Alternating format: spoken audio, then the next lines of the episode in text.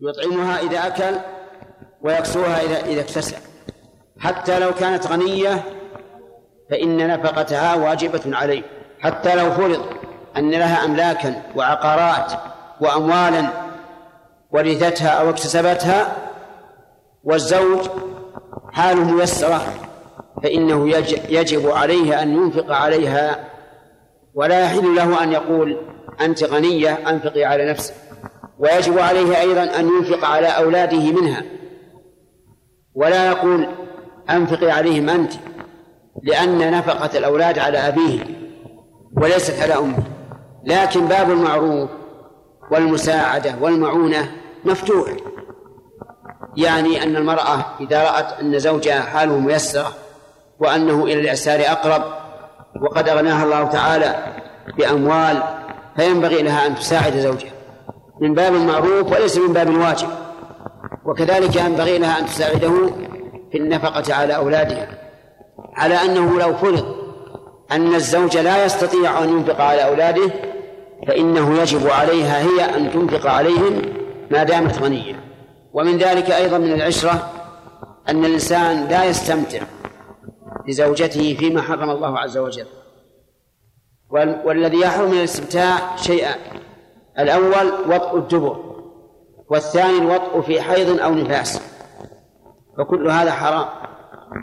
وقد سبق أن النبي صلى الله عليه وسلم قال ملعون من أتى امرأة في دبرها. وأنه إذا علم أن هذا الرجل يفعل ذلك فإنه يفرق بينه وبين زوجته إذا كان هذا من دأبه دائما.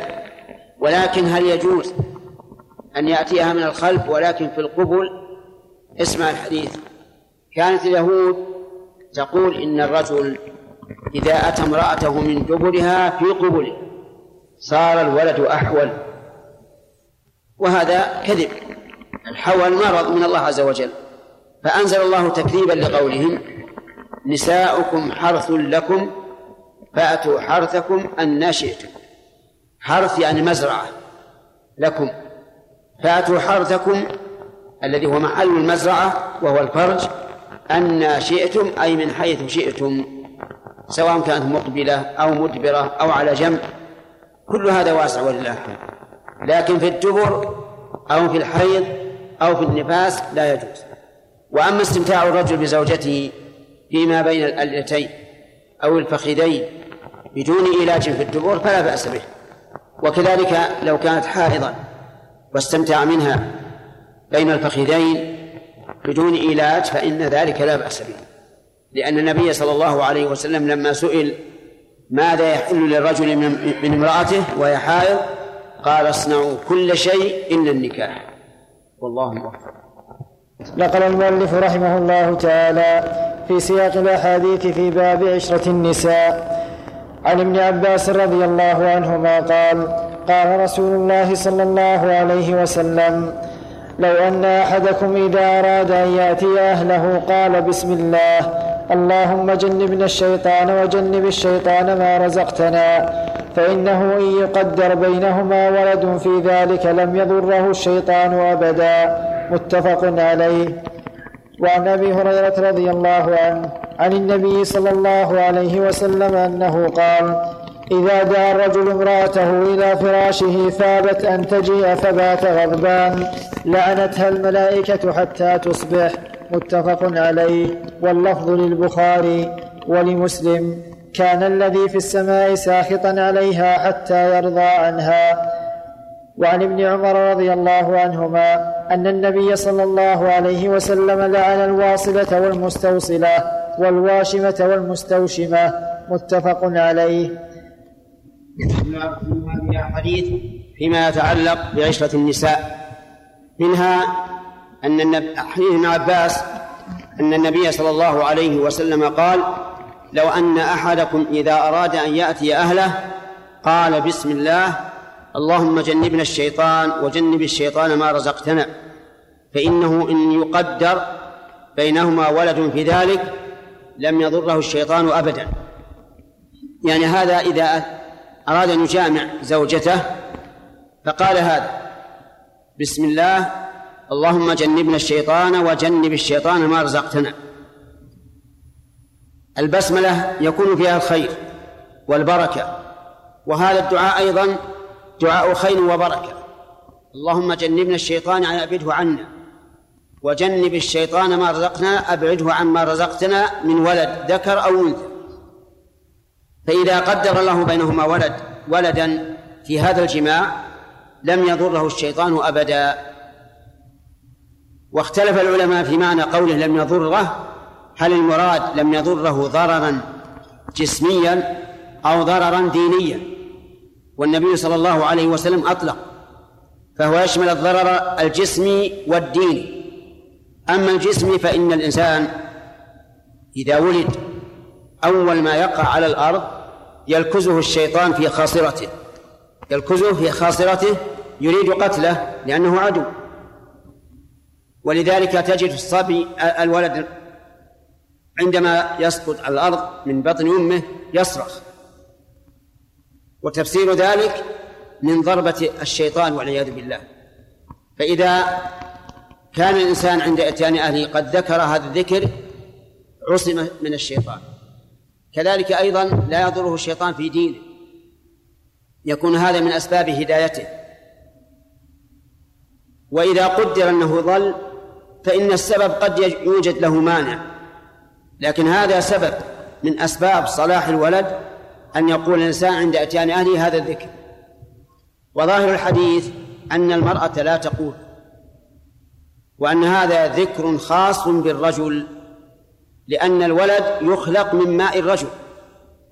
كما قال الله تعالى فلينظر الإنسان مما خلق خلق من ماء دافق يخرج من بين الصلب والترائب وهو ماء الرجل. وعليه فيكون من آداب الجماع أن الإنسان إذا أراد أن يجامع أهله قال بسم الله اللهم جنبنا الشيطان وجنب الشيطان ما رزقتنا. ثم ذكر المؤلف حديث أبي هريرة أن الرجل إذا دعا امرأته إلى فراشه وأبت أن تجيب فإن الملائكة تلعنها حتى يصبح حتى تصبح. يعني تدعو عليه باللعن والعياذ بالله. إلا إذا رضي الزوج.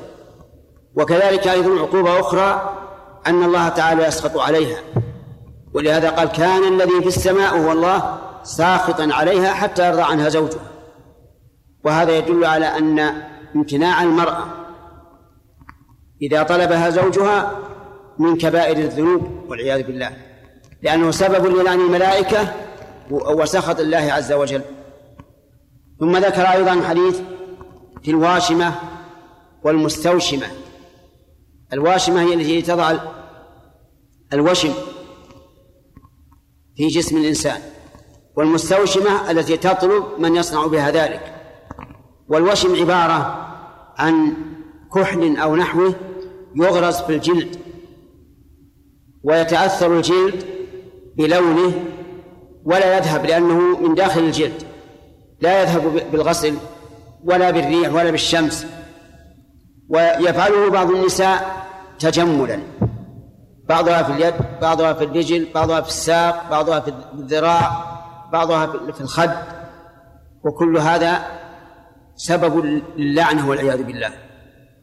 ومعلوم أنه إذا فعل في الإنسان وهو صغير فلا إثم عليه لكن إذا كبر وجبت عليه إزالته إلا إذا كان يخشى من تشوه فيبقى ويحرص على أن لا يراه أحد. قال رحمه الله تعالى باب الصداق. عن أنس رضي الله عنه عن النبي صلى الله عليه وسلم أنه أعتق صفية وجعل عتقها صداقها متفق عليه. وعن أبي سلمة بن عبد الرحمن رضي الله عنه أنه قال سألت عائشة رضي الله عنها سألت عائشة سألت عائشة رضي الله عنها كم كان صداق رسول الله صلى الله عليه وسلم؟ قالت كان صدا كان صداقه لأزواجه ثنتي عشرة أوقية ونشا. قالت أتدري ما النش قال قلت لا. قالت نصف أوقية. فتلك, فتلك خمسمائة فتلك خمسمائة درهم. فهذا صداق رسول الله صلى الله عليه وسلم لأزواجه. رواه مسلم. وعن ابن عباس, وعن ابن عباس قال لما تزوج علي فاطمة قال له رسول الله صلى الله عليه وسلم أعطها شيئا؟ قال ما عندي شيء. قال فأين درعك الحطمية؟ رواه أبو داود والنسائي وصححه الحاكم.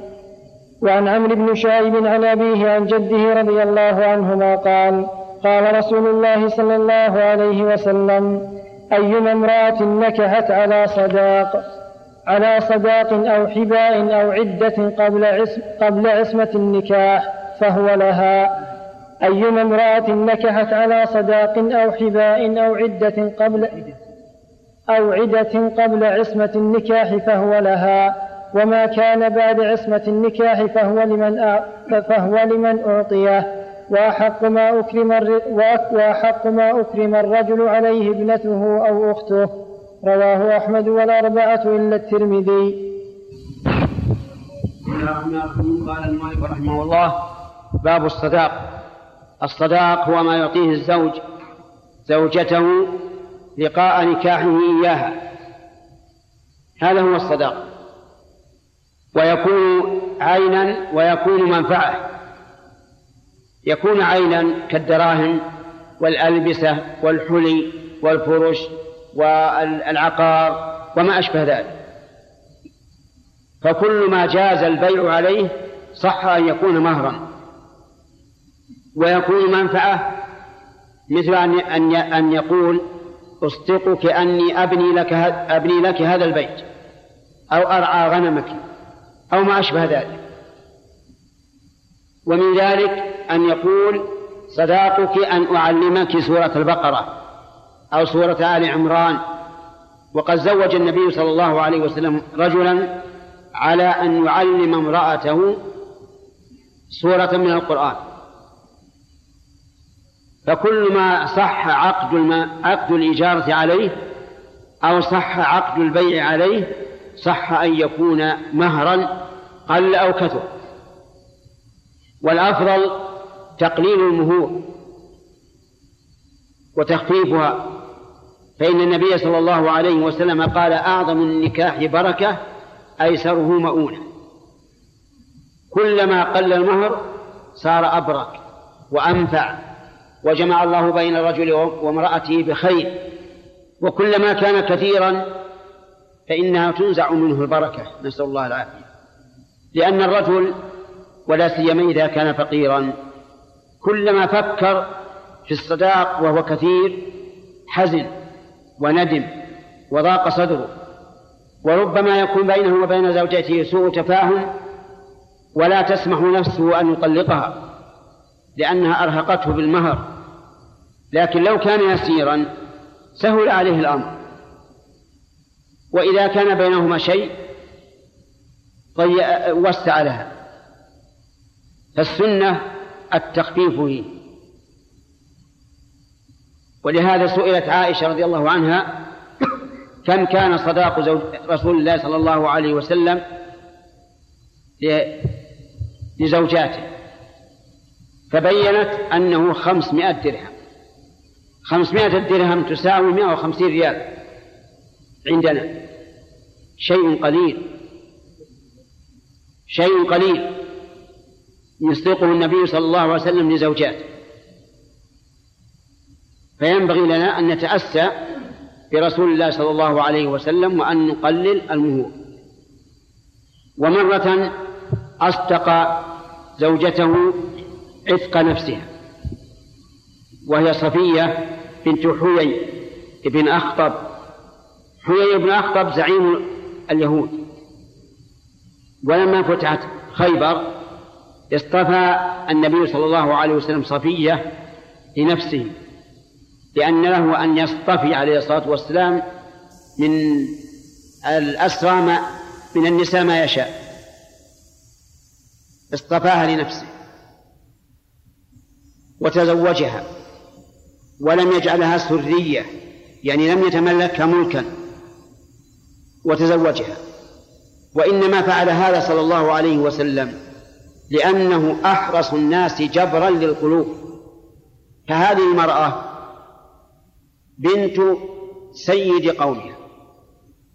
حيي بن أخطر وارتضاه واصطفاها النبي صلى الله عليه وسلم بنفسه لئلا يأخذها أحد من عامة الناس. فينكسر قلبها أن تكون بنت سيد قومها يأخذها رجل من عامة الناس.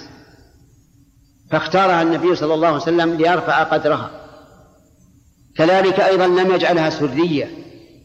مع أنها مملوكة له. هي مسبية من السبي رضي الله عنها لم يجعلها مملوكة لأن ذلك كسر لقلبها ولكنه أعتقها عليه الصلاة والسلام وجعلها حرة كزوجاته تماما وجعل عتقها صداقة. فقال لها أعتقتك وجعلت عتقك صداقة.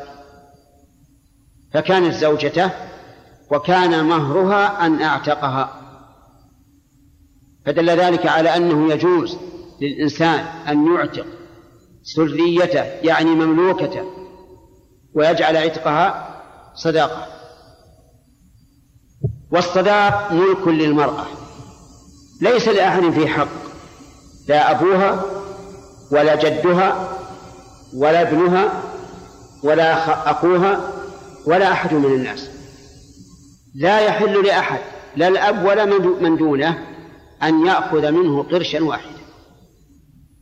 فإن فعل فهو ظالم وستأخذ ذلك من حسناته يوم القيامة. لأنه يوم القيامة ما فيه أب ولا أم ولا أحد. فإذا نفخ في الصور إيش؟ فلا أنساب بينهم يومئذ ولا يتساءلون. يوم يفر المرء من أخيه وأمه وأبيه وصاحبته وبنيه لكل امرئ منهم يومئذ شأن يغنيه. فإذا أخذ الأب من مهر ابنته قرشا واحدا أخذته من حسنات يوم القيامة. ولا تراحم بينهم يوم القيامة ولا أنساب ولا أم ولا أب.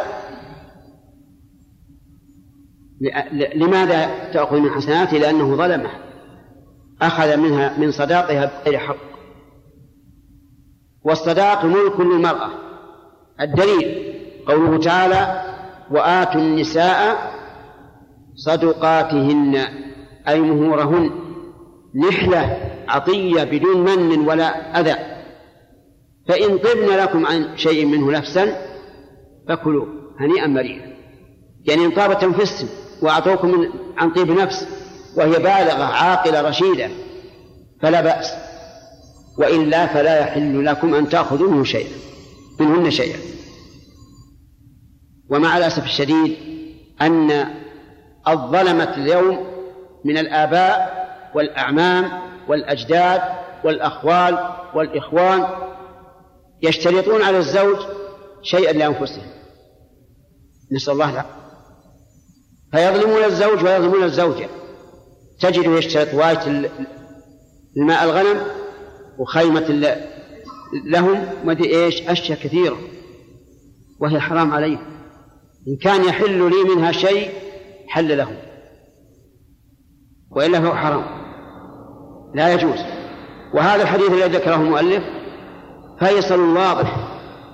أن ما كان قبل العقد فهو للزوجة.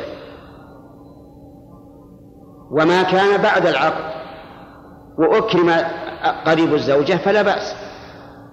يعني مثلا قرر الصداق خمسة آلاف ريال وسلمه وعقد لا بأس أن يكرم أباها أو أخاها من عند نفسه.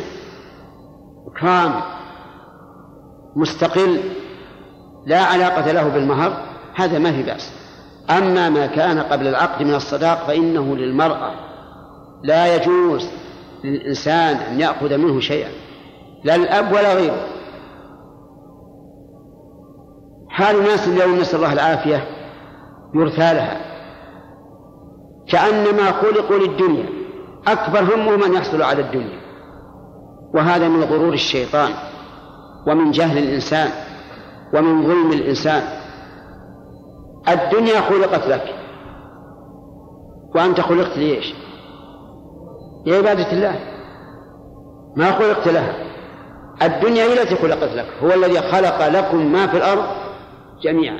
كل ما في الأرض مخلوقنا من معادن ذهب أو معادن فضة معادن بترول أشجار حيوان كلها مخلوق لنا أما نحن فخلقنا لعبادة الله. لكن مع الأسف الآن إن الناس حتى المؤمنون كأنما خلقوا للدنيا أكبر همهم أن يحصلوا على درهم. وهذا من غرور الشيطان. والواجب عليكم أنتم الآن سمعتم ما جاء في الحديث والقرآن. الواجب عليكم أن تنشر هذا بين الناس. قال النبي صلى الله عليه وسلم بلغوا عني ولو آية. بلغوا عني. وقال ليبلغ الشاهد الغائب.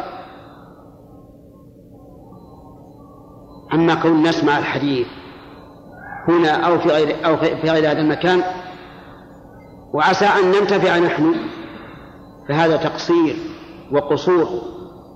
الواجب إذا جاء مثل هذا الحديث الذي يخالف ما عليه الناس اليوم أن نحرص على نشره بكل مجلس حتى تنقلب هذه العادة السيئة الظلومة الجائرة حسنة ومن دل على خير فله مثل أجر فاعله. والله الموفق. تأجيل الدخول إذا كان لحاجة لا بأس به. قد تكون البنت صغيرة أو هناك مانع من الموانع لكن لا بد أن يكون برضا الزوجة. أما بدون رضاها لا يجوز. يعني لو كانت الزوجة تريد تقديم الدخول والزوج كذلك ولكن الأب تعنت وقال والله ما أفرح بزوجتي ولين يتزوج أنا إيش؟ لا هذه هذه هذه من عقبات النكاح وربما نتكلم عليه إن شاء الله تعالى في الباب الذي يليه. والله موفق. نقل المؤلف رحمه الله تعالى في سياق الأحاديث في باب الصداق عن علقمة عن ابن مسعود أنه سئل عن رجل تزوج امرأة ولم يفض لها صداقا ولم يدخل بها حتى مات فقال ابن مسعود لها مثل صداق نسائها لا وكس ولا شطط وعليها العدة ولها الميراث. فقام معقل بن سنان الأشجعي فقال قضى رسول الله صلى الله عليه وسلم في بروع بنت واشق امرأة منا مثل ما قضيت ففرح بها ابن مسعود. رواه أحمد والأربعة وصححه الترمذي وحسنه جماعة. وعن جابر هذا الحديث حديث عبد الله بن مسعود رضي الله عنه فيما يستحق به المهر يعني الصداق. هل إذا فارق الرجل زوجته تستحق الصداق أو بعضه أو لا تستحق شيئا؟ في هذا تفصيل حسب ما جاءت به السنة. فإذا فارقها بموت بعد العقد فلها الصداق كاملا. بدون نقص. وعليها العدة. ولها الميراث. مثال ذلك رجل عقد على امرأة وكان الدخول مثلا بعد يومين أو ثلاثة ثم قدر الله عليه فمات. ارجع. قدر الله عليه فمات بحادث أو بأي سبب بدون أن يدخل عليها أو يخلو بها. فهذه لها الميراث كاملا. ولها الصداق كاملا. إن سمي لها صداق وإلا فمهر مثلها. وعليها العدة. أربعة أشهر وعشرة أيام. هكذا قضى ابن مسعود رضي الله عنه بمثل ذلك. ثم إن النبي إن ابن عباس ابن مسعود رضي الله عنه أخبر بأن النبي صلى الله عليه وسلم قضى بمثل ذلك في بروع بنت واشق ففرح بذلك ابن مسعود. إذا نأخذ من هذا فائدة أن المهر يستقر كاملا للزوجة إذا مات عنها زوجها سواء دخل بها أو خلا بها أو لم يحصل دخول ولا خلوة. الثاني مما يستقر به المهر إذا خلا بها الزوج سواء جامعها أم لم يجامعها. ثم طلقها فإن عليها العدة ولها المهر كاملا. مثاله رجل تزوج امرأة ثم دخل عليها لكن لم يجامعها. ثم طلقها فلها المهر كاملا وعليها عدة الطلاق. إذا يثبت المهر كاملا بالموت والثاني بالخلوة والجماع من باب أولى. ويكون ويجب نصف المهر إذا طلقها قبل الدخول والخلوة فإنه يجب لها مهر المثل يجب لها نصف المهر إذا كان محددا. مثال ذلك رجل تزوج امرأة عقد عليها وبعد يومين أو ثلاثة أو أكثر قبل أن يخلو بها بدأ له فطلقها. فلها نصف مهرها إذا كان معينا. لقول الله تعالى وإن طلقتموهن من قبل أن تمسوهن وقد فرضتم لهن فريضة فنصف ما فرضتم إلا أن يعفون يعني أن يعفو النساء أو يعفو الذي بيده عقدة النكاح وهو الزوج. إن عفى الزوج فالمهر لها كاملا وإن عفت فليس عليه شيء. إذا إذا طلق قبل الدخول والخلوة وقد فرض لها مهرا فللزوجة النصف. وإن لم يفرض لها شيء فلها المتعة. لقوله تعالى لا جناح عليكم إن طلقتم النساء ما لم تمسوهن أو تفرضوا لهن فريضة ومتعوهن على الموسع قدره وعلى المقتر قدره. يعني لو لم يسموا مهرا ثم طلقها قبل الدخول والخلوة فإنه يكون لها المتعة. القسم الثالث أنه لا يكون لها صداق إذا عقد عليها ولم يدخل بها ثم تبين أن فيها عيبا من صمم أو عمى أو شلل أو جنوع جنون أو ما أشبه ذلك. فهنا ليس لها شيء. إذا طلقها في هذه الحال ليس لها شيء لأنها معيبة. له أن يفسخها لعيبها. هذا حكم المهر.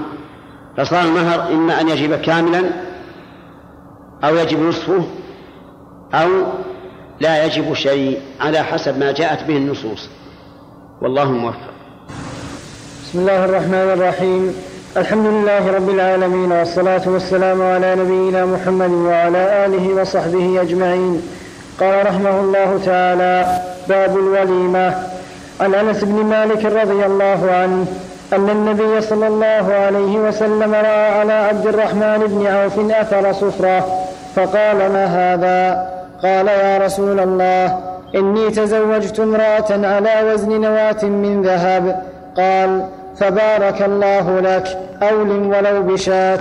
متفق عليه واللفظ لمسلم. وعن ابن عمر رضي الله عنهما قال قال رسول الله صلى الله عليه وسلم إذا دعي أحدكم إلى الوليمة فليأتها متفق عليه. ولمسلم إذا دعا أحدكم أخاه فليجب عرسا كان أو نحوه. وعن أبي هريرة رضي الله عنه قال قال رسول الله صلى الله عليه وسلم شر الطعام طعام الوليمة يمنعها من يأتيها. ويدعى إليها من يأباها ومن لم يجب الدعوة فقد عصى الله ورسوله أخرجه مسلم. وعنه رضي الله عنه قال قال رسول الله صلى الله عليه وسلم إذا دعي أحدكم فليجب فإن كان صائما فليصل وإن كان مفطرا فلي وإن كان مفطرا فليطعم أخرجه مسلم. وله من حديث جابر نحوه وقال فإن شاء طعم وإن شاء ترك. وعن ابن مسعود قال قال رسول الله صلى الله عليه وسلم طعام الوليمة أول يوم حق وطعام يوم الثاني سنة وطعام يوم الثالث سمعة ومن, سم ومن سمع سمع الله به رواه الترمذي واستغربه ورجاله رجال الصحيح. وله شاهد عن أنس عند ابن ماجه وعن صفية بنت شيبة رضي الله عنها قالت أولم النبي صلى الله عليه وسلم على بعض نسائه بمدين من شعير أخرجه البخاري. وعن أنس قال أقام النبي صلى الله عليه وسلم بين خيبر والمدينة ثلاث ثلاث ليالي ثلاث ليال يبنى عليه بصفية فدعوت المسلمين إلى وليمته فما كان فيها من خبز ولا لحم وما كان فيها إلا أن أمر بالانطاع فبسطت فألقى عليها التمر والأقط والسم متفق عليه واللفظ للبخاري. وعن رجل من أصحاب النبي صلى الله عليه وسلم قال إذا اجتمع داعيان فأجب أقربهما بابا فإن سبق أحدهما فأجب الذي سبق. رواه أبو داود وسنده ضعيف. وعن أبي جحيفة رضي الله عنه قال قال رسول الله صلى الله عليه وسلم لا آكل متكئا. رواه البخاري. قال الحافظ ابن حجر رحمه الله في كتابه بلوغ المرام باب الوليمة. الوليمة مأخوذة من أولم إذا جمع فهي فعيلة بمعنى فاعلة. وهي اجتماع الناس على الطعام. فهي الذي يصنع الطعام الذي يصنع بمناسبة العرس يسمى وليمة والمخاطب به الزوج لا أهل المرأة لأن النبي صلى الله عليه وعلى آله وسلم قال لعبد الرحمن بن عوف أولم ولو بشاة. ولا بأس أن يشارك الزوج أهل المرأة كما هو العرف الآن. تكون الوليمة من نفقة الزوج يعني على الزوج وعلى أهل المرأة لأن هذا من باب التعاون. ولكن الأفضل في الوليمة أن لا يتباهى الناس فيها وأن لا يتباروا فيها وأن تكون وليمة مختصرة لا تتعب المدعو ولا الداعي. لأن النبي صلى الله عليه وسلم قال لعبد الرحمن بن عوف أولم ولو بشاة. والفقهاء رحمهم الله يقولون تسن بشاة فأقل. والنبي صلى الله عليه وعلى آله وسلم أولم على إحدى نسائه بمدين من شعير. مدين فقط يعني نصف الصاع من الشعير. فكل ما صح فكل ما كان يمكن أن يدعى إليه من طعام قليل أو كثير أو شاهي أو قهوة أو شراب عصير أو ما أشبه ذلك فهو من الوليمة. وهنا جهتان الجهة الأولى حكم الوليمة نقول هي سنة مؤكدة لما فيها من إظهار الفرح بنعمة الله تعالى بالزواج ولما فيها من إعلان النكاح وإظهاره وبيانه وإعلان النكاح سنة. الوجه الثاني من دعي إلى الوليمة. الدعوة إلى الوليمة نوعان دعوة عامة بأن يقول للجماعة تفضلوا حياكم الله. ودعوة خاصة يعين كل واحد بعينه. فإذا عينه وجب عليه الحضور بشرط أن لا يكون عليه ضرر في الحضور. فإن كان عليه ضرر فإن فإن الله لا يكلف نفسا إلا وسعها. والشرط الثاني أن لا يكون في الوليمة منكر يعجز عن تغييره بأن يكون الداعي قد أحضر مغنين موسيقى وما أشبه ذلك مما يحرم فلا تجوز الإجابة إلا لشخص إذا حضر امتنعوا بحضوره فهنا يجب عليه الحضور. الثالث أن تكون الوليمة في أول يوم لأنها في أول يوم حق وفي يوم ثاني يوم سنة وفي ثالث يوم رياء وسمعة. فإذا بالغ الزوج وجعل الوليمة ثلاثة أيام الذي يجب حضوره هو اليوم الأول وأما الثاني والثالث فلا. واعلم أنه ينبغي للزوج وأولياء الزوجة أن يقللوا من الوليمة وأن لا يكثروا الدعوة لا دعوة الناس ولا الطعام لأنه إكثار الطعام ربما يذهب هباء ويفسد. ولا يوجد من يأكله وأما الناس فكثرتهم توجب الإحراج. كثير من الناس يأتي إلى الوليمة وهو كاره. فإذا كثروا صار في ذلك إحراج. وينبغي أن يقتصر على ما لا يمكن تركه من الأقارب والجيران والأصحاب وما أشبه ذلك. والله موفق.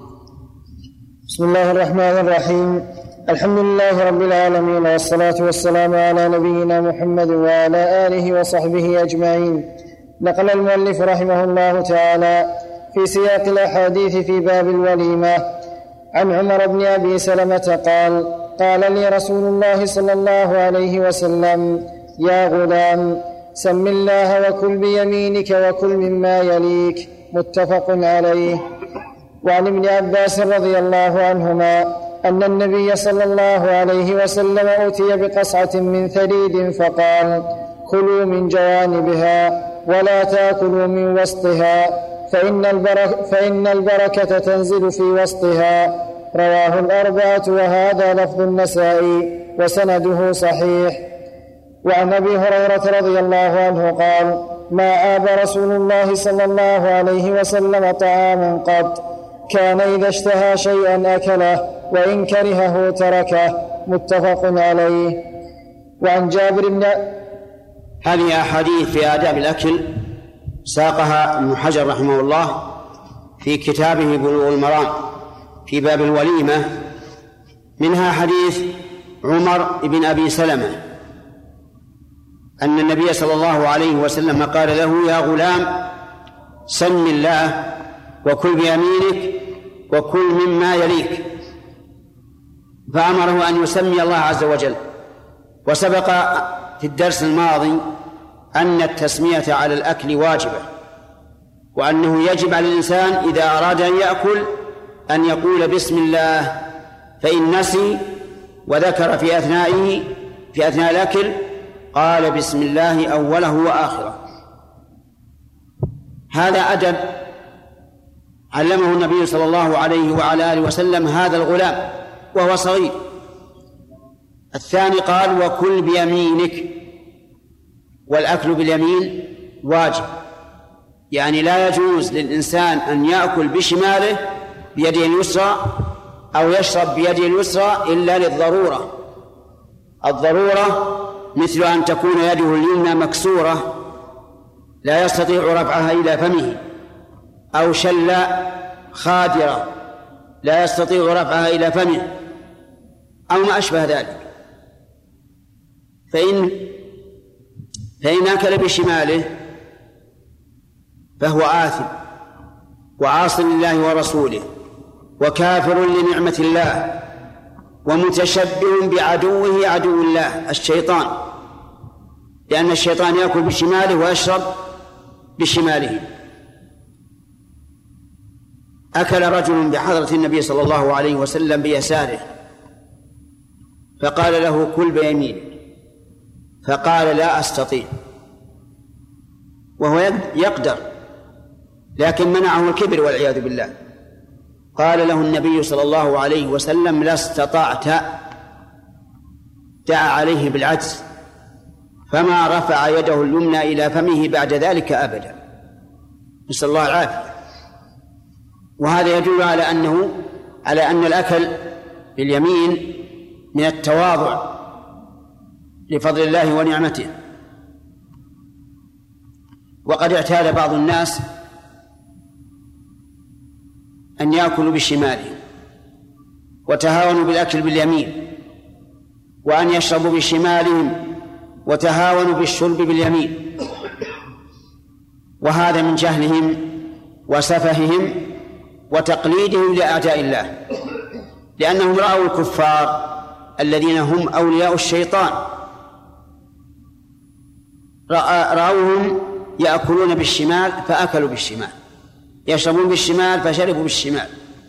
ظن هؤلاء المساكين السفاة في العقل الضلال في الدين.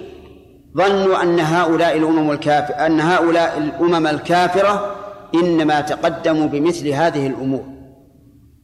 بهرتهم المدنية الزائفة والمصانع المهلكة فصاروا يقلدونهم بكل شيء.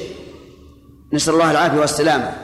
والحقيقة أنهم ما قلدوهم فقط بل قلدوا الشيطان بالأكل بالشمال والشرب بالشمال. لو قيل لك وأنت مؤمن بالله ورسوله أتحب أن تكون متبعا لرسول الله صلى الله عليه وسلم أو متبعا لخطوات الشيطان فماذا تقول؟ ماذا تقول؟ الأول متبع لرسول الله صلى الله عليه وسلم. رسولك يأكل باليمين ويشرب باليمين ويأمر أن نأكل باليمين وأن نشرب باليمين وينهى أن نأكل بالشمال وأن نشرب بالشمال. والشيطان يأكل بماذا؟ بشماله. ويشرب بشماله. إذا فمن أكل بشماله وشرب بشماله فقد عدل عن هدي الرسول عليه الصلاة والسلام واتبع غي الشيطان والعياذ بالله. ولذلك يجب علينا إذا رأينا أحدا يأكل بالشمال ويشرب بالشمال أن نقول يا فلان كل باليمين واشرب باليمين.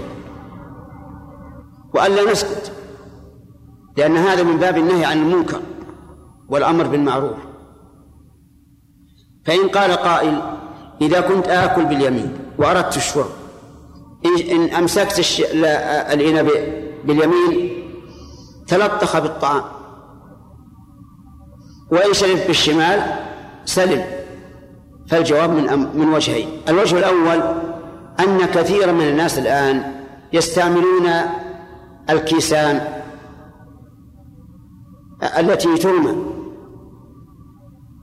كيسان من البلاستيك. يشرب بها الإنسان وحده ولا يشرب بها غيره وفي النهاية ترمى ولو تلوثت بالطعام لم يضر. ثانيا أن نقول استعن باليسرى على على حمل الإناء. أمسكه من أسفله باليمنى واستعن باستقراره استعن على استقراره باليسرى. وأما أن تأكل باليسرى ولا ولا تبالي فهذا غلط. ومن ذلك أيضا المعاطاة. يعني إذا أعطيت صاحبك أو أخذت منه شيئا لا تقدم اليسرى لأنه ورد النهي عن ذلك. قال لا يأخذ بشماله ولا ولا يعطي بشماله. يأخذ بإيش؟ باليمين ويعطي باليمين. وهذه أيضا تساهل فيها كثير من الناس. كثير من الناس يعطيك بالشمال ويأخذ بالشمال. وهذا غلط. لكنه أهون من الأكل والشرب. الأكل والشرب يحرم بالشمال ويجب باليمين. أما هذا فالأفضل أن يأخذ بالشمال باليمين ويعطي باليمين ولكنه ليس واجبا. الأدب الثالث الذي علمه الرسول عليه الصلاة والسلام هذا الغلام. قال كل مما يليك. يعني إذا كان معك أحد لا تأكل من حافته. كل من مما يليك لأن تقديم يدك إلى إلى حافته سوء أدب. وهذا من حسن خلق من حسن خلق النبي عليه الصلاة والسلام وتعليمه. وفيه من الفوائد تعليم الصغير. تعليم الصغير الآداب. لأن تعليم الصغير لا ينسى. ولذلك تجد الأشياء التي كنت أدركتها في حال صغرك ما زالت في مخيلتك والأشياء القريبة تنساها. فتعليم الصغار أسوة برسول الله صلى الله عليه وسلم. وفائدة للإنسان. كلما عمل الصغير بهذا الأدب الذي أد... الذي علمته كان لك أجر. والله موفق. نقل المؤلف رحمه الله تعالى في سياق الأحاديث في باب الوليمة عن ابن عباس رضي الله عنهما أن النبي صلى الله عليه وسلم أتي بقصعة من ثريد فقال كلوا من جوانبها ولا تأكلوا من وسطها فإن البركة تنزل في وسطها. رواه الأربعة وهذا لفظ النسائي وسنده صحيح. وعن أبي هريرة رضي الله عنه قال ما عاب رسول الله صلى الله عليه وسلم طعاما قط كان إذا اشتهى شيئا أكله وإن كرهه تركه. متفق عليه. وعن جابر رضي الله تعالى عنه عن النبي صلى الله عليه وسلم أنه قال لا تأكلوا بالشمال فإن الشيطان يأكل بالشمال. رواه مسلم. وعن أبي قتادة رضي الله عنه أن النبي صلى الله عليه وسلم قال إذا شرب أحدكم فلا يتنفس في الإناء. متفق عليه. من هذه احاديث في آداب الأكل والشرب. سبق جملة كبيرة من هذا وبقي هذه الأحاديث التي ساقها المؤلف في آخر الباب. منها أن النبي صلى الله عليه وسلم أتي بقصعة من ثريد. القصعة الصحفة والثريد هو الخبز. المثروج باللحم.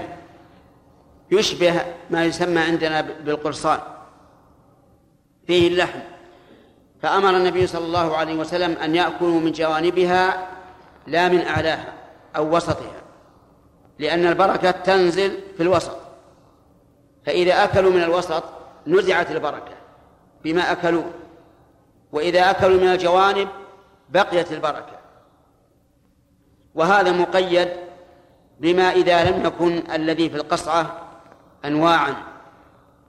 فإذا كان أنواعا فلا بأس أن يأكل الإنسان من الوسط مثل لو كان اللحم في وسطها في أعلاها فلا بأس أن يأكل الإنسان منه.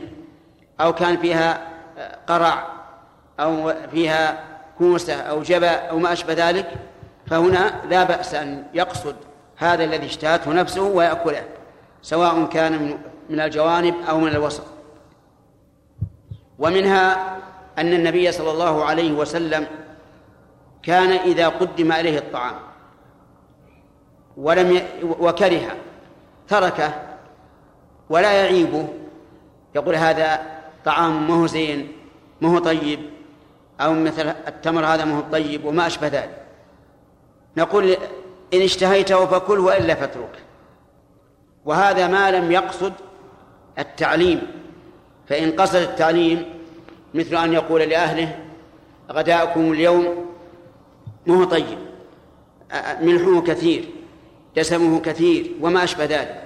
هذا ليس عيبا لكنه إخبار بما يراد تلافيه.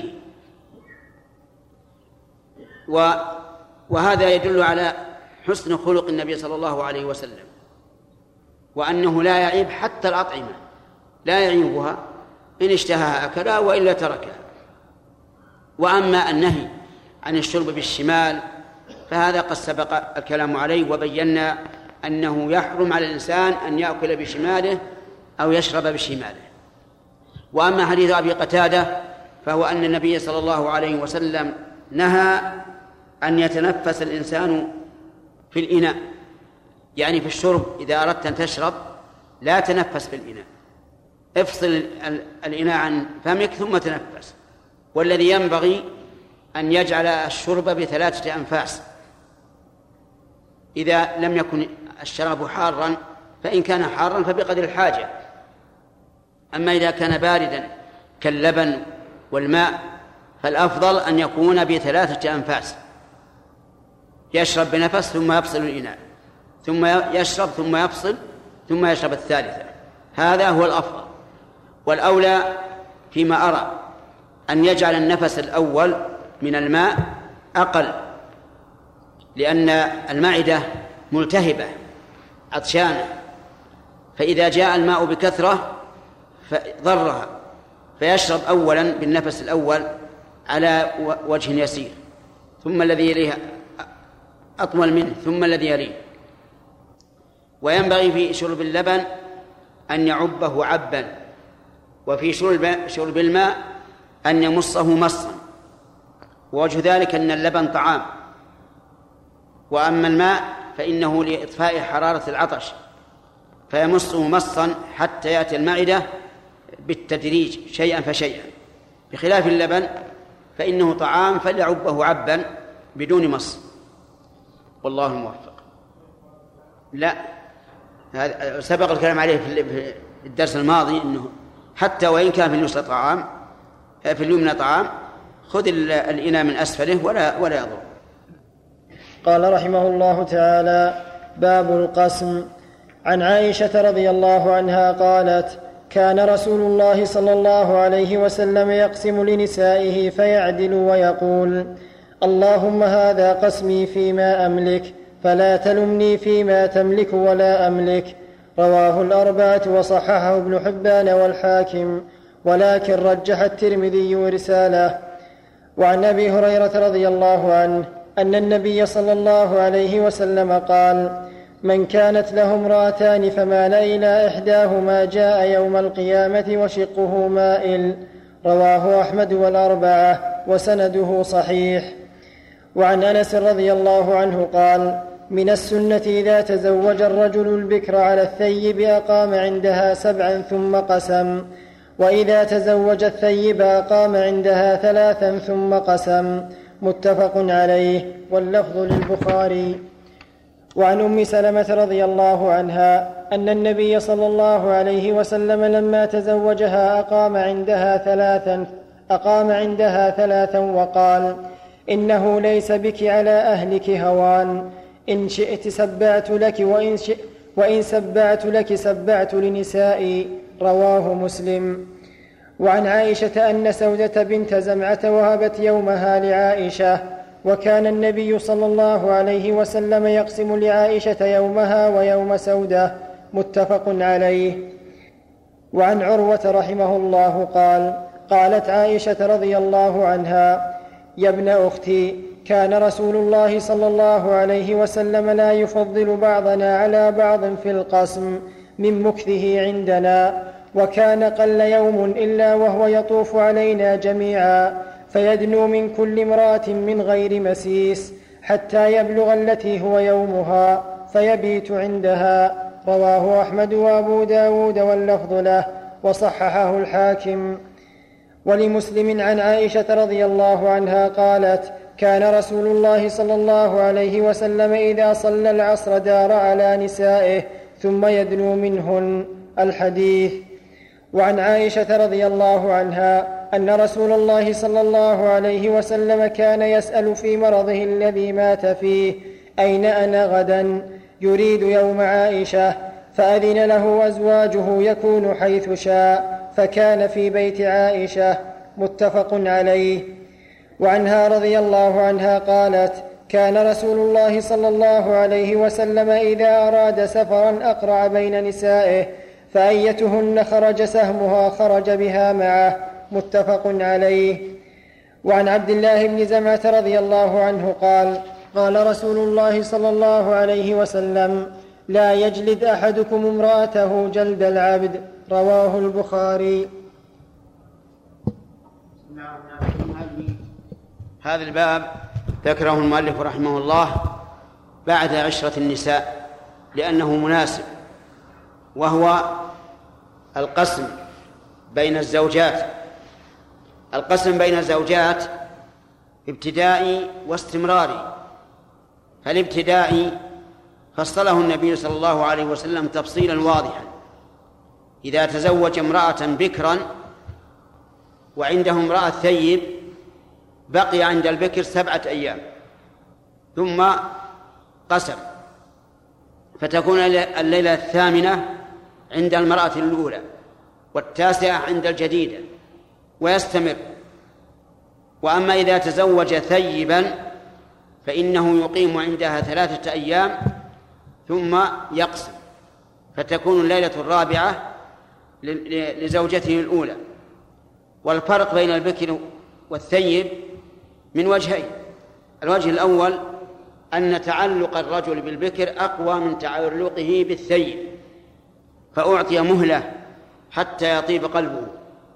والثاني أن البكر لها رهبة في النكاح فتحتاج إلى من يوطنها ويقيم عندها أكثر بخلاف الثيب.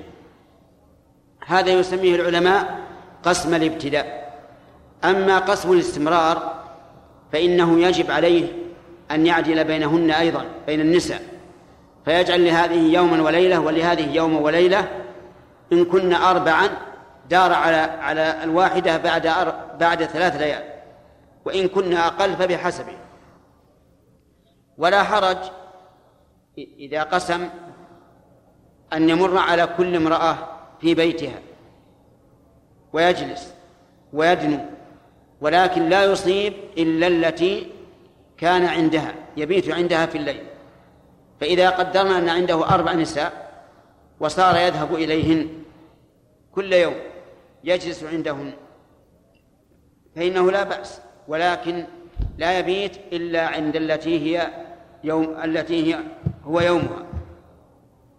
والواجب أن يعدل بين الزوجات بكل ما يستطيع. فإن لم يفعل فقد قال النبي صلى الله عليه وسلم من كانت لهم له امرأتان فمال إلى إحداهما جاء يوم القيامة وشقه مائل. يشهده الخلائق كلهم. يشهدون هذا الرجل ويعرفون. والله أعلم أن سبب ميل شقه هو عدم عدله بين الزوجات. وإذا أرادت إحدى النساء أن تهب يومها لضرتها فلا بأس لأن سودة بنت زمعة رضي الله عنها وهبت يومها لعائشة لأنها تعلم أن النبي صلى الله عليه وسلم يحب عائشة أكثر من غيره وخافت أن يطلقها النبي صلى الله عليه وعلى آله وسلم لأنها كبيرة أو أن يشق عليه العدل بينها وبين الزوجات.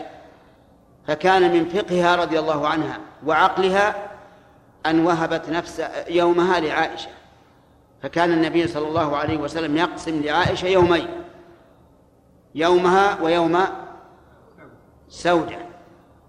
وفي هذا هذه الأحاديث التي ذكرها المؤلف أن النبي صلى الله عليه وسلم كان يعدل ويقسم كان يقسم ويعدل ويقول اللهم هذا قسمي فيما أملك فلا تلمني فيما تملك ولا أملك. يعني بذلك المحبة والمودة لأن المحبة والمودة لا يستطيع الإنسان أن يتصرف فيها. لا يمكن أن يعدل بين زوجاته في المحبة لكن يعدل بين زوجاته فيما يمكنه أن يعدل. كما قال الله عز وجل ولن تستطيعوا أن تعدلوا بين النساء ولو حرصتم فلا تميلوا كل الميل فتذروها كالمعلقة. وفي هذه الأحاديث دليل على كمال النبي صلى الله عليه وسلم وكمال مراعاته للعدل. فإنه عندما مرض عليه الصلاة والسلام وكان مرضه اثني عشر يوما كان يقول أين أنا غدا؟ أين أنا غدا؟ لأنه كان يذهب يعدل بين يعدل بين زوجاته حتى في المرض. كان يقول أين أنا؟ غدا. فعرف عرفت نساؤه أنه يريد يوم عائشة. فأذن له أن يتمرض في بيت عائشة. ففعل عليه الصلاة والسلام. وصار يتمرض في بيت عائشة. ومات في يوم عائشة. واشتمل موته على ثلاث مناقب لعائشة رضي الله عنها. على أولا أنه مات في يومها والثاني أنه مات في بيتها والثالث أنه مات في حجرها والرابع أن آخر ما طعم من الدنيا ريقها رضي الله عنها. أربع خصال. مات في يومها يعني وافق أن اليوم الذي مات فيه هو يوم عائشة ومات في بيتها. في حجرتها رضي الله عنها ومات في حجرها لأنه مات وهي مسندته إلى ظهرها رضي الله عنها. وآخر ما طعم من الدنيا ريقها لأنه لما احتضر صلوات الله وسلامه عليه دخل عليه عبد الرحمن ابن أبي بكر أخو عائشة وفي يده مسواك. فجعل النبي صلى الله عليه وسلم ينظر للمسواك يحب أن يتسوك. فعرفت عائشة أنه يحبه يحب المسواك. قالت آخذه لك؟ فأشار برأسه نعم. فأخذت وقضمت بأسنانها قطعت حتى يذهب ما فيه من شعث ثم طيبته يعني جعلته طيبا وليس المعنى جعلت فيه طيبا طيبته وجعلته طيبا صالحا للتسوق. ثم أعطته النبي صلى الله عليه وسلم فجعل يتسوق به وهو في سياق الموت عليه الصلاة والسلام. فكان آخر ما طعم الدنيا ريق عائشة رضي الله عنها. نسأل الله تعالى أن يرضى عنها وأن يصلي ويسلم على نبيه محمد صلى الله عليه وعلى آله وسلم وأن يحشرنا معه ويدخلنا جنات النعيم. قال رحمه الله تعالى باب الخلع. عن ابن عباس رضي الله عنهما أن امرأة ثابت بن قيس أتت النبي صلى الله عليه وسلم فقالت يا رسول الله ثابت بن قيس ما أعيب عليه في خلق ولا دين ولكني أكره الكفر في الإسلام. فقال رسول الله صلى الله عليه وسلم أثر الدين عليه حديقته؟ فقالت نعم. فقال رسول الله صلى الله عليه وسلم اقبل الحديقة وطلقها تطليقه رواه البخاري وفي رواية له وأمره بطلاقها. ولأبي داود والترمذي وحسنه أن امرأة ثابت بن قيس اختلعت منه فجعل النبي صلى الله عليه وسلم عدتها حيضة. وفي رواية عمرو بن شعيب عن أبيه عن جده رضي الله عنهما عند ابن ماجه أن ثابت بن قيس كان ذميما وأن امرأته قالت لولا مخافة الله إذا دخل علي لبصقت في وجهه. ولأحمد من حديث سهل بن أبي حثمة وكان ذلك أول خلع في الإسلام. قال الحافظ ابن حجر في كتابه بلوغ المرام باب الخلع. الخلع هو أن يفارق الرجل زوجته بعوض منها أو من وليها أو من غيرهما. ويسمى هذا فداء لقول الله تعالى فإن خفتم ألا يقيما حدود الله فلا جناح عليهما فيما ابتلت به. وهو من محاسن الإسلام. وذلك أن المرأة إذا كرهت زوجها ولا تستطيع أن تعيش معه فإنه شرع الخلع بينها وبين زوجها فتشترى من زوجها ويقال له نعطيك كذا وكذا وافسخ نكاحها. وذلك أن الزوجين أحيانا يكون بينهما نزاع ولا يلقي الله في قلوبهما المحبة. فيكون بقاؤهما على هذه الحال صعبا جدا. ويكون الزوج قد خسر عليها أموالا. فلا يحب أن يخلي سبيلها بدون عوض. فرخص الله تعالى في ذلك وقال لا جناح عليهما فيما افتدت به. وقد حصل الخلع في عهد النبي صلى الله عليه وعلى آله وسلم. مع ثابت بن قيس رضي الله عنه وامرأته. وكان ثابت من خيار الصحابة. وكان رجلا جهوريا رفيع الصوت. فلما أنزل الله تعالى قوله يا أيها الذين آمنوا لا ترفعوا أصواتكم فوق صوت النبي ولا تجهروا له بالقول كجهر بعضكم لبعض أن تحبط أعمالكم وأنتم لا تشعرون. انحبس الرجل ثابت في بيته يبكي لا يرقأ له دم ولا تنام له عين. خاف أن يكون قد حبط عمله وهو لا يشعر. ومن خاف سلم ففقده النبي صلى الله عليه وسلم فسأل عنه. فقالوا فقالوا يا رسول الله إنه منذ نزلت هذه الآية وهو في بيته. خاف أن يحبط عمله وهو لا يشعر. فأرسل إليه الرسول عليه الصلاة والسلام.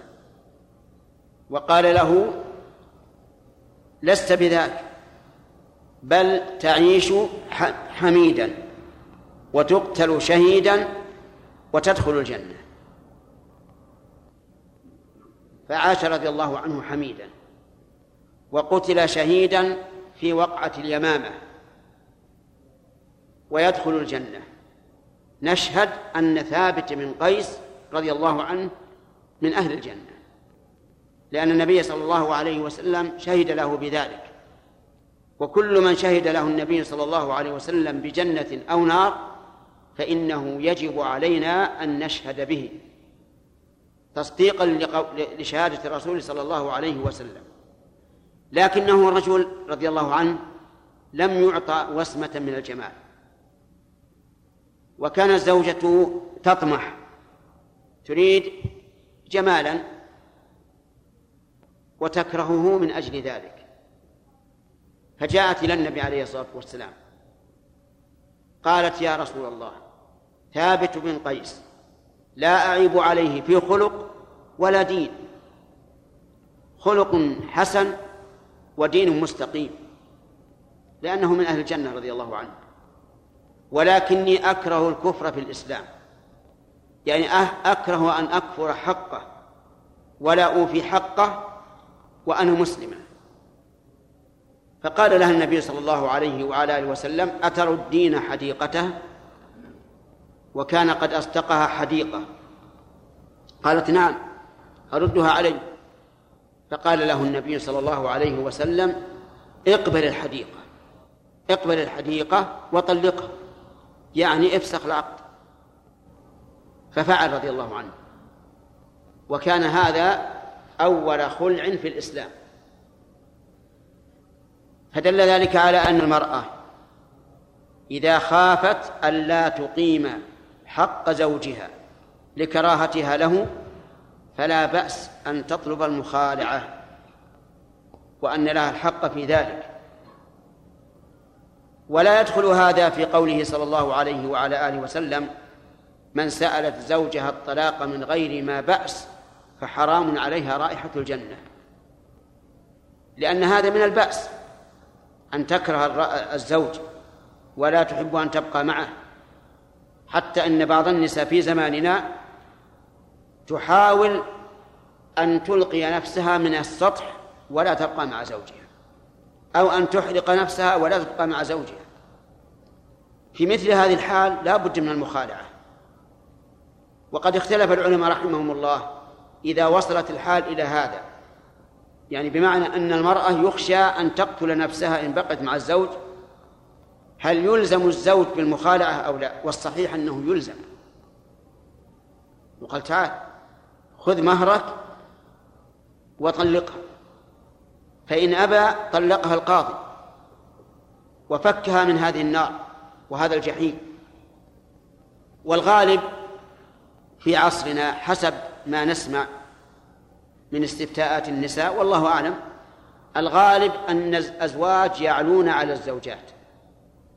ويستكبرون عليهن ويؤذونهن إلى حد الضرب والعياذ بالله بدون سبب. فمثل هذا كيف تبقى عنده الزوجة؟ وكيف يمكننا أن أن نمكن الزوج من من من حبسها على نار؟ هذا لا تأتي بمثل الشريعة. ولهذا كان القول الراجح من أقوال العلماء أنه إذا لم يمكن البقاء مع الزوج لشدة بغضها إياه فإنه يلزم بالفسخ بشرط أن تعطيه ما, ما, ما أنفق عليها. وفي هذا دليل على منقبة بل مناقب ثابت من قيس لأن زوجته تقول لا أعيب عليه في خلق ولا دين. وفيه دليل على أن المرأة إذا عابت على زوجها الخلق أو الدين فلا حرج عليها أن تطلب الطلاق. فإذا أساء عشرتها فلها أن تطلب الطلاق. وإذا كان ضعيف الدين لا يصلي مع الجماعة أو ما أشبه ذلك فلا بأس أن تطلب الطلاق. لأن قولها ما أعيب عليه في خلق ولا دين يدل على أن هذا من أسباب طلب الطلاق. أن تعيب عليه في خلقه أو في دينه. والواجب على كل من الزوجين أن يعاشر الآخر بالمعروف كما سبق لقول الله تعالى وعاشروهن بالمعروف فإن كرهتموهن فإن كرهتموهن فعسى أن تكرهوا شيئا ويجعل الله فيه خيرا كثيرا. والله الموفق. إي نعم. إذا طلب أكثر من حقه فمن العلماء من قال إنه لا يعطى ومنهم من قال إنه يكره ومنهم من قال إنه يباح والراجح أن أنه يرجع إلى اجتهاد القاضي. إذا رأى أن الزوج ليس أهلا أن تبقى معه الزوجة فهنا يقول لا نعطيك أكثر مما بذلت. قال رحمه الله تعالى باب الطلاق. عن ابن عمر رضي الله عنهما قال قال رسول الله صلى الله عليه وسلم أبغض الحلال إلى الله الطلاق. رواه أبو داود وابن ماجه وصححه الحاكم ورجح أبو حاتم إرساله وعن ابن عمر رضي الله عنهما أنه طلق امرأته وهي حائض في عهد رسول الله صلى الله عليه وسلم. فسأل عمر رسول الله صلى الله عليه وسلم عن ذلك فقال مره فليراجعها ثم ليمسكها حتى تطهر ثم تحيض ثم تطهر ثم إن شاء أمسك بعد وإن شاء طلق قبل أن يمس فتلك العدة التي أمر الله أن تطلق لها النساء. متفق عليه. وفي رواية لمسلم مره فليراجعها ثم ليطلقها طاهرا أو حاملا. وفي رواية أخرى للبخاري وحسبت تطليقه. وفي رواية لمسلم قال ابن عمر أما أن تطلقتها واحدة أو اثنتين فإن رسول الله صلى الله عليه وسلم أمرني أن أراجعها ثم أمسكها حتى تحيض حيضة أخرى ثم أمهلها حتى تطهر ثم أطلقها قبل أن أمسها. وأما أن تطلقتها ثلاثا فقد عصيت ربك فيما أمرك به من طلاق امرأتك. وفي, وفي رواية أخرى قال عبد الله بن عمر فردها علي ولم يرها شيئا وقال إذا طهرت فليطلق أو ليمسك. بسم الله الرحمن الرحيم. قال المؤلف رحمه الله تعالى في كتابه بلوغ المرام باب الطلاق. الطلاق يعني طلاق المرأة. وهو حل قيد النكاح أو حل بعضه. إن كان طلاقا بائنا فهو حل القيد كله. وإذا كان طلاقا غير بائن فهو حل بعضه. والأصل في الطلاق أنه مكروه لما فيه من تفكك الإسرة وانفصام العروة وفوات الفوائد العظيمة في النكاح. فلا ينبغي للإنسان أن يطلق إلا إذا دعت الحاجة إلى ذلك بحيث تعذر المقام على وجه مريح. وأما ما دام يمكنه أن يصبر فليصبر لأن الله تعالى قال فإن كرهتموهن فعسى أن تكرهوا شيئا ويجعل الله فيه خيرا كثيرا.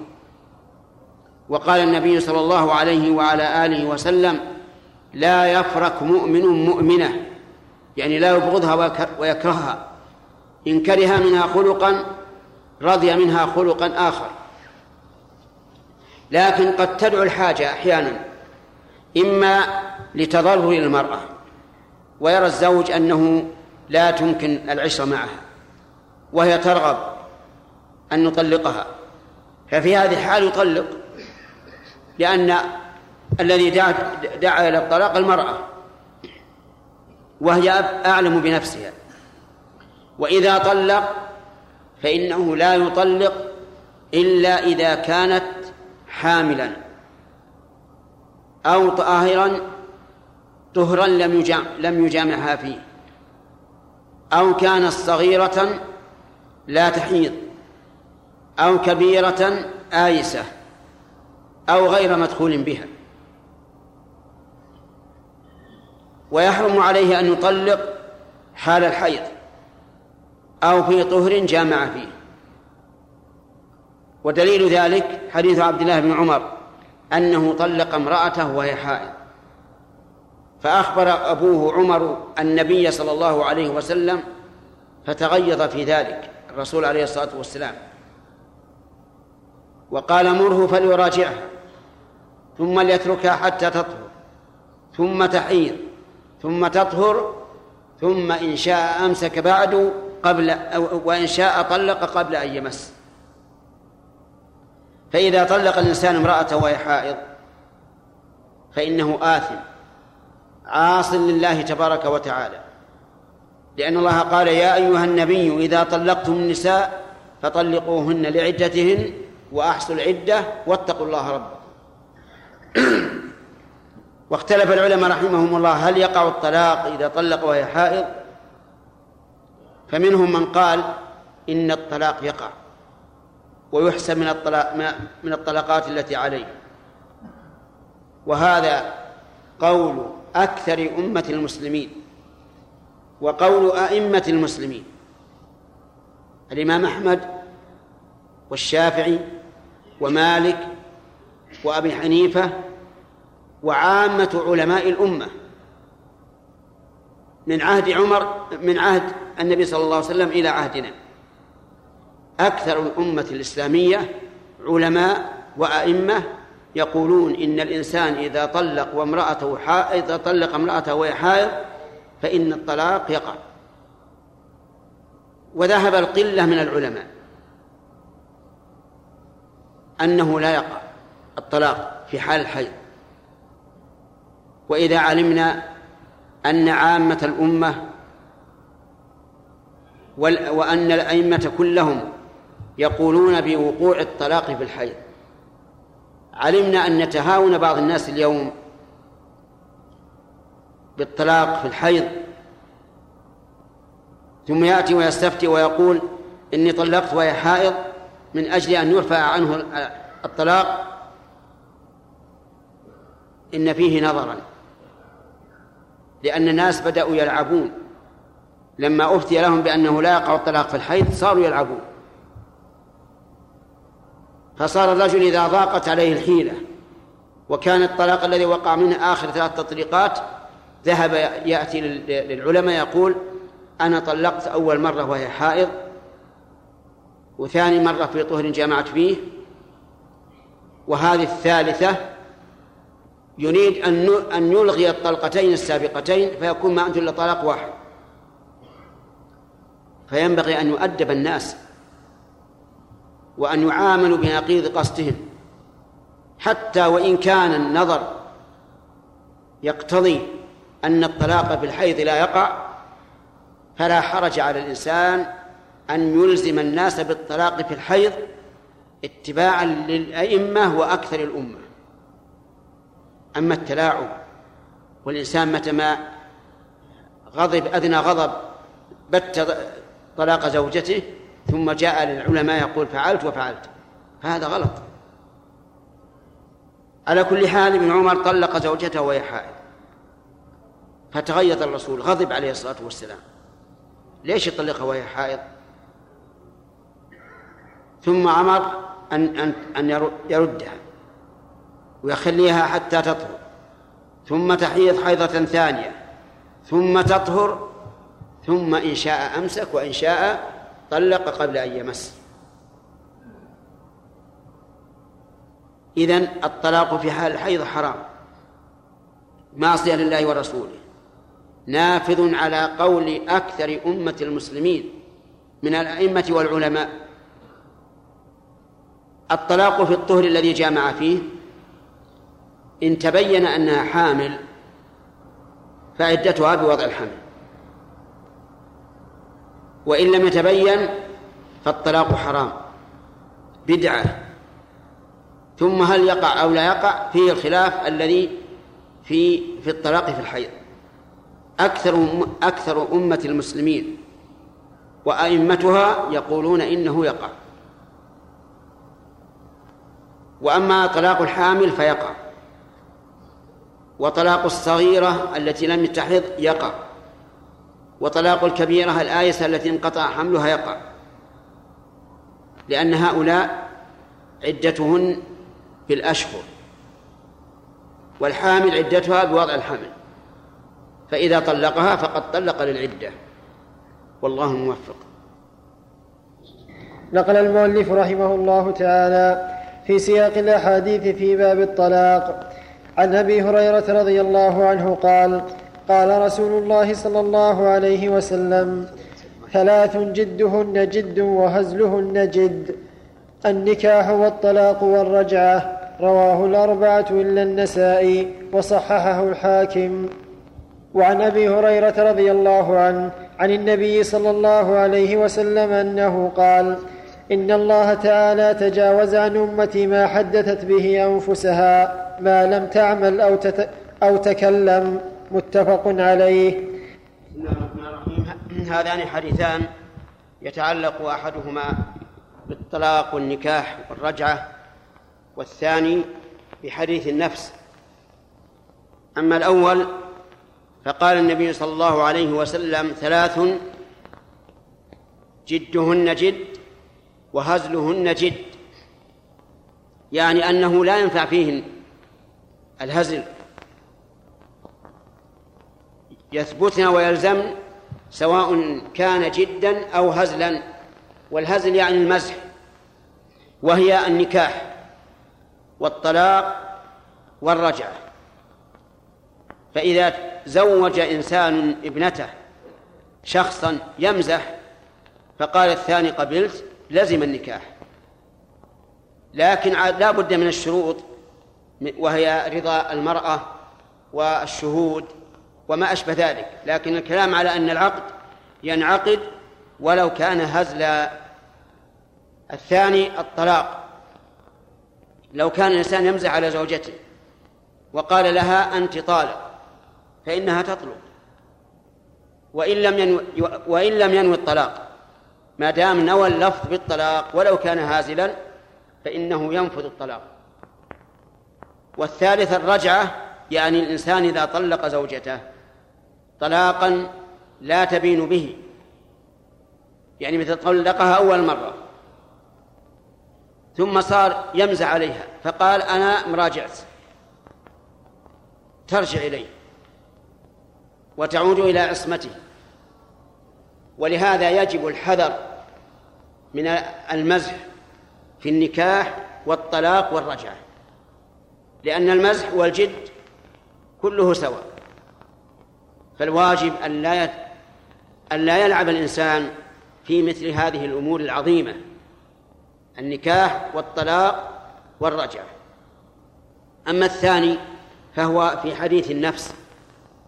الإنسان ربما يحدث نفسه بأنه سيطلق زوجته ولكن ما ينطق بلسانه فلا تطلق الزوجة. حتى وإن عزم مصمم وقال لأذهبن إلى الكاتب ليكتب طلاق امرأتي يقول في نفسه فإنه لا لا يقع الطلاق. لحديث أبي هريرة رضي الله عنه أن النبي صلى الله عليه وسلم قال إن الله تجاوز عن أمتي ما حدثت به أنفسها ما لم تعمل أو تتكلم. وهذا كما ينفعك في الطلاق ينفعك أيضا في الوساوس التي يلقيها الشيطان في قلبك. فيما يتعلق بالصلاة أو بالصيام أو بالوضوء أو غيره فما حدثت به حدثت به نفسك فإنه لا يقع. مثال ذلك إنسان صائم حدثته نفسه أن يفطر ولكن لم يفطر يبقى على صومه لأنه ما عزم على ترك الصيام. إنسان يصلي فاستأذن عليه شخص سمع جرس الباب هم إنه يقطع الصلاة من أجل أن يأذن لصاحبه ولكنه لم يفعل. يستمر في صلاته لأن مجرد حديث النفس لا يؤثر شيئا. كذلك بعض الناس تحدثه نفسه بأنه يطلق زوجته بأنه يفعل منكر بأنه يفعل أشياء ولكن لا يجزم بها فهذا لا يؤثر لا يؤثر حديث النفس فيه شيئا. وهذه من نعمة الله عز وجل أن حديث النفس لا أثر له معفو عنه حتى تعمل أو تتكلم. والله موفق. نقل المؤلف رحمه الله تعالى في سياق الأحاديث في باب الطلاق عن ابن عباس رضي الله تعالى عنهما عن النبي صلى الله عليه وسلم أنه قال إن الله تعالى وضع عن أمة الخطأ والنسيان وما استكرهوا عليه. رواه ابن ماجة والحاكم وقال أبو حاتم لا يثبت. وعن ابن عباس رضي الله عنهما قال إذا حرم امرأته ليس بشيء وقال لقد كان لكم في رسول الله صلى الله عليه وسلم أسوة حسنة. رواه البخاري.